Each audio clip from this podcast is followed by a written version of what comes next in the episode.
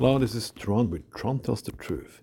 Eat the rich and let them fucking die. Oh, this was a hard segment, you may say.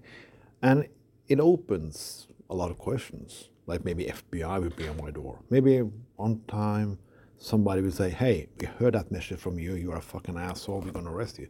But I don't give a shit. Think about this. Yeah, let's do it. Five of the richest people in the world earn billions and billions, and other billions are poor and have nothing. I don't mind people being rich. I don't mind being, being a millionaire. But you're a billionaire and have billions and billions and billions. And even then, you want to screw fucking unions. Billionaires are worthless. They just take, take, and never give. You know why we have like a social contract?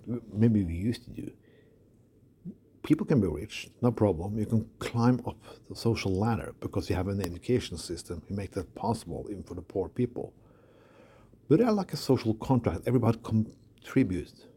Like you don't steal everything. You don't people. You don't screw everybody.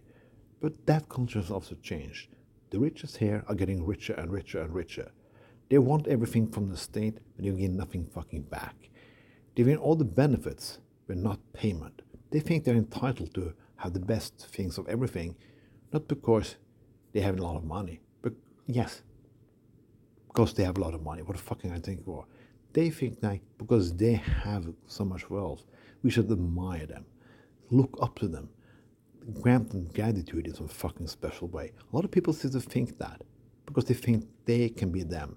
Sorry, people, The richest people, the billionaires, are taking the ladder up. They not wanting you to climb it. Do you ever think that anybody would give you the tools to take them out?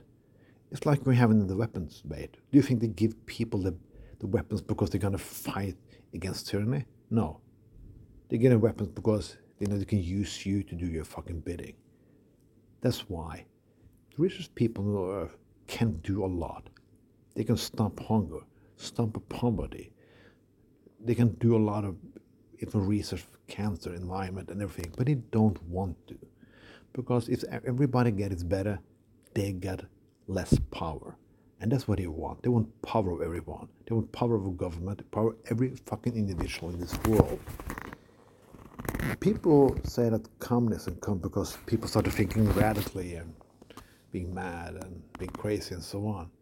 But radical thoughts often come because of some people are fucking assholes.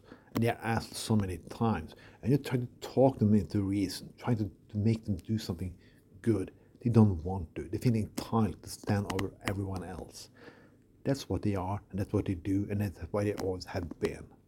A lot of people who are rich these days, many of them, have maybe gained because of hard work.